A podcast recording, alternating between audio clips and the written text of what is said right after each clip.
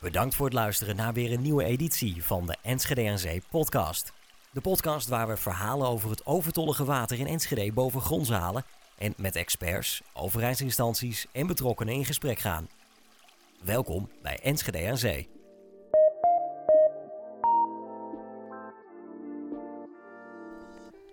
Hallo en welkom bij een nieuwe aflevering van de Enschede aan Zee podcast. Deze keer een bonusaflevering. Ik zit samen met Flip van Willigen, directeur van 120, en Henk ten Harkel, hoofdredacteur van 120 Enschede, in de studio van het Balengebouw. Want 120 verzorgt een waterkrant met daarin verschillende onderwerpen die te maken hebben met het water in Enschede. En daar gaan we het over hebben. Uh, Flip, waarom maken jullie als lokale omroep die uh, waterkrant? Wij maken deze waterkrant omdat we zien dat er eigenlijk in de dagelijkse nieuwsvoorziening steeds minder aandacht komt voor uh, wat moeilijkere onderwerpen, onderwerpen met wat meer diepgang, met, met meer achtergrond.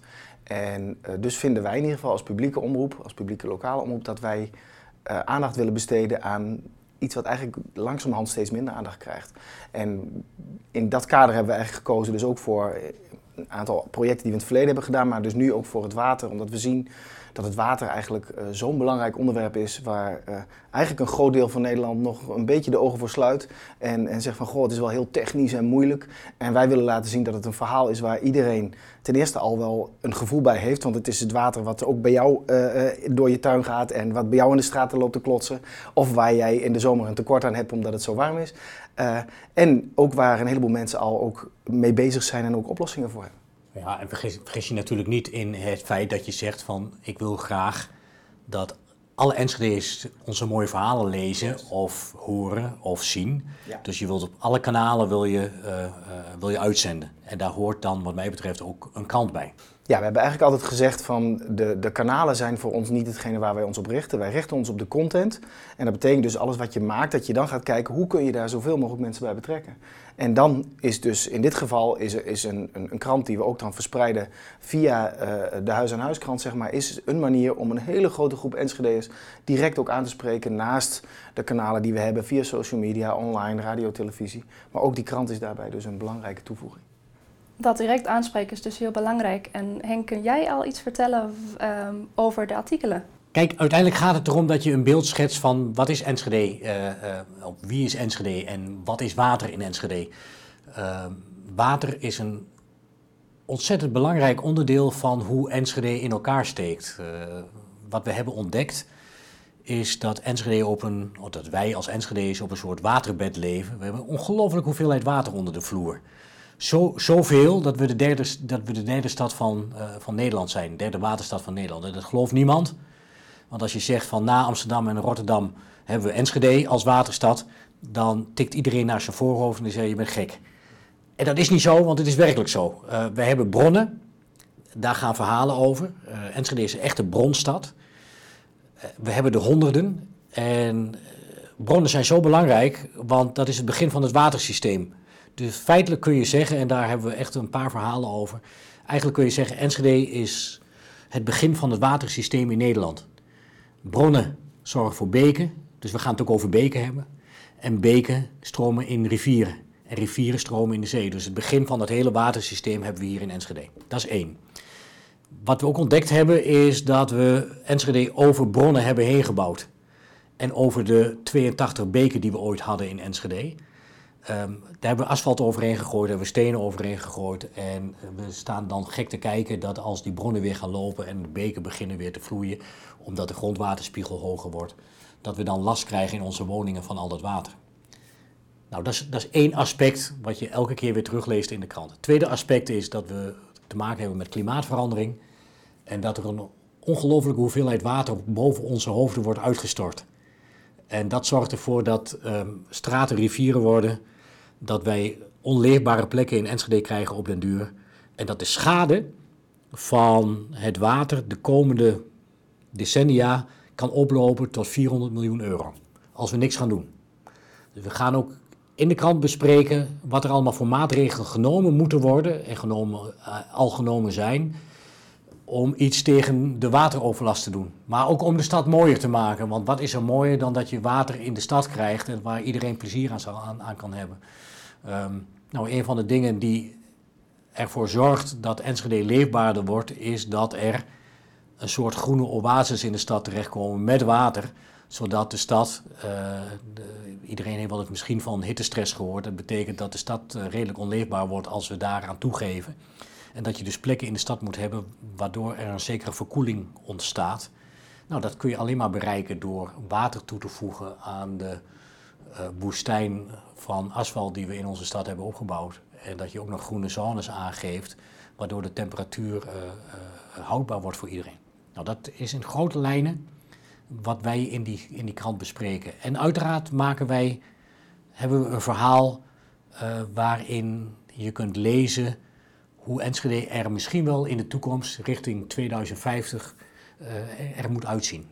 En is er ook niet nog een ding dat Enschede eigenlijk al doordat we zo lang op water leven ook uh, een aantal uh, uh, vernieuwingen heeft toegepast die eigenlijk heel veel impact hebben?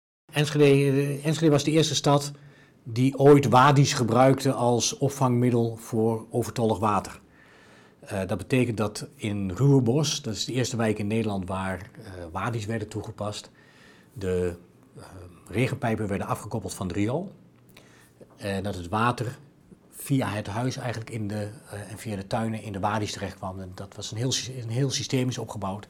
Nou, we hebben de grondlegger van uh, de wadi's hebben we geïnterviewd van, van, nou, hoe kwam je op het idee en hoe heeft zich dat allemaal verder ontwikkeld? Want die ene wadi of die drie wadi's in Ruwebos hebben ervoor gezorgd dat die wereldwijd nu worden toegepast om uh, water te kunnen bergen.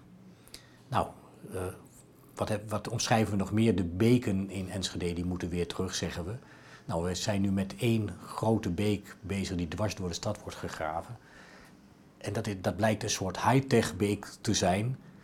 Uh, wat ervoor zorgt dat de wijken die, daar, die daarbij liggen, uh, die ernaast liggen, dat die totaal worden ontzorgd van water. Nou, dat is dus een middel om uh, de overlast tegen te gaan. En bovendien maakt het onze stad gewoon veel mooier. Nou, dat beschrijven we ook. Leuk. En ik begrijp dat jullie met de krant uh, het hele waterproject een beetje afsluiten. Dat... Uh, ja, um, dat doen we voor nu. We zijn uh, een paar maanden heel intensief met water bezig geweest. drie maanden om precies te zijn, dacht ik, zo uit mijn hoofd. we hebben filmpjes gemaakt, we hebben podcasts gemaakt, we, hebben, we zijn nu met die krant bezig. Dus er is een veelvoud aan materiaal en, en content hebben we gemaakt over, over het probleem en over de toekomst. Uh, maar wat blijkt nu, we zijn nog lang niet klaar. Want uh, dit verhaal gaat gewoon verder. Want ik ben wel heel erg benieuwd bijvoorbeeld hoe Enschede er dan straks uit moet zien. Wat doe je met het binnen singelgebied uh, bijvoorbeeld? Nou, dat is één grote betonnen massa. Asfaltmassa, stenen massa. Nou, wat moet je nou doen om die stad dan leefbaar te houden? dan weet je ook dat stadsontwikkelaars hiervoor uh, een paar jaar geleden hebben gezegd: ja, wat moet je nou in de stad doen om, om het in de vaart der volkeren mee te laten gaan? Nou, moet je de stad helemaal dichtbouwen. Hè? Dus elk groene plekje wat we nog hebben, uh, moet je weer bouwwerken neerzetten om de stad te verdichten, zo noemen ze dat dan. Maar dat is nu wel een raar middel geworden als je tegelijkertijd weet dat je de stad moet openen voor water en, en groen. Dat past niet bij elkaar. Dus hoe moet je dat dan doen? Die gesprekken, die discussies voeren en dan ook nog bij jezelf nadenken. Nou ja, eh, hebben we al die auto's in die stad wel nodig? Misschien kunnen we ruimte winnen door straten uit, uh, ja, eruit te halen en daar misschien iets mee te doen op dat gebied. Nou, daar, daar, dat willen we nog verder onderzoeken en, en, en, artikelen van maken en filmpjes van maken. En de Enschede's laten zien van, nou, misschien beweegt de stad zich over een aantal jaren wel deze richting op en moet dat heel anders dan dat we nu aan het doen zijn. En de wethouder zegt in de krant, de stad moet op de schop, want zo kunnen we niet verder. Nou, ik denk dat hij gelijk heeft. Oké, okay, de krant is dus één ding, maar 1 Cent Enschede gaat ook een fietsdag, een waterfietsdag organiseren op 30 mei, Hemelvaartsdag. Wat is daar precies mee bedoeld? Flip, kan jij dat uitleggen? Nou ja, de bedoeling is, het past gewoon in het totale plaatje dat we graag mensen mee willen laten doen en willen laten zien hoe uh, Enschede eigenlijk ook waterstad is. Dat als je gewoon op de fiets stapt en langs een, uh, een route gaat die wij uh, hebben gemaakt, zeg maar, dat je dan kunt zien hoeveel plekken Enschede hele bijzondere dingen op watergebied heeft. Terwijl je daar waarschijnlijk al heel vaak langs gefietst bent of met de auto langs geweest bent of langs gelopen. En dat je dan denkt, ja, ik zie het niet. Maar dan juist met die fietsroute en, en uiteindelijk ook een stukje eh, eh, verrijking daarbij in tekst, zeg maar, kun je dan even zien van, oh, oké, dat wist ik niet. Ja, en daarbij hebben we voor wat ontspanning gezorgd. Moet leuk zijn. Tiro doet mee. Nou, die, die, die, maakt er een open, die zet er een open dag bij. Dat betekent dat als, eh, eh, nou ja, als je een beetje geluk hebt en er niet te veel mensen op, eh, op de plek zijn waar, waar Tiro zijn, dat je misschien ook nog wel in een boot kunt stappen om even op het kanaal te roeien. Want dat hoort er ook bij, hoort ook bij het water. Ja. Want water is ook een re- recreatie. Het is een middel om je stad, zei ik al, mooier te maken. Dus nou ja, vandaar dat we ook de roeiclub hebben ingeschakeld. En de fotoclub bijvoorbeeld van het Strowing doet ook mee. En die hebben eh, eh, tientallen foto's ingeleverd. En, wij, en, en samen met de foto's die Enschede'ers aan ons gegeven hebben, maken we er ook nog een mooie fototentoonstelling bij over water in Enschede. En dan blijkt plotseling dat er een heleboel mensen mee willen doen.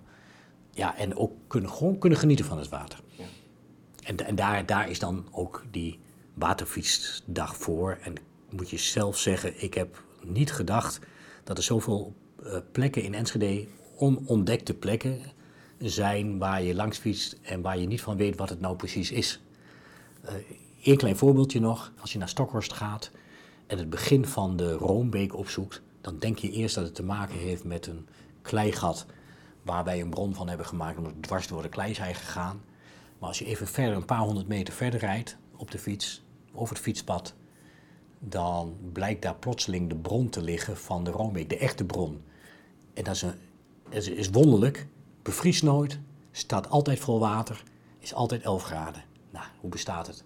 En dat, dat wist ik niet, ben ik door dit onderzoek achtergekomen en dat zou, dat, dat zouden Enschede's eigenlijk ook moeten ervaren. Datzelfde wat wij eh, als onderzoeksgroep ook hebben ervaren, dat er een heel veel bijzondere dingen in Enschede met water aan de hand zijn.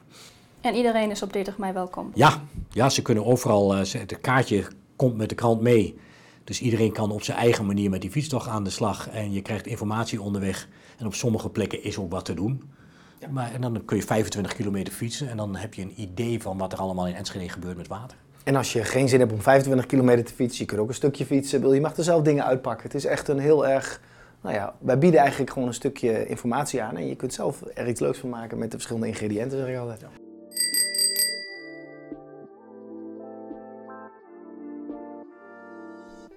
Bedankt voor het luisteren naar deze aflevering. Laat ons weten wat je hiervan vindt. Heb je zelf een verhaal omtrent het water? Tip ons. Je vindt ons op 120.nl slash water, op Facebook of Instagram onder 120 Enschede en natuurlijk op iTunes en Soundcloud. Wat er ook gebeurt, je ervaart het via deze kanalen. Bedankt voor het luisteren en tot 30 mei.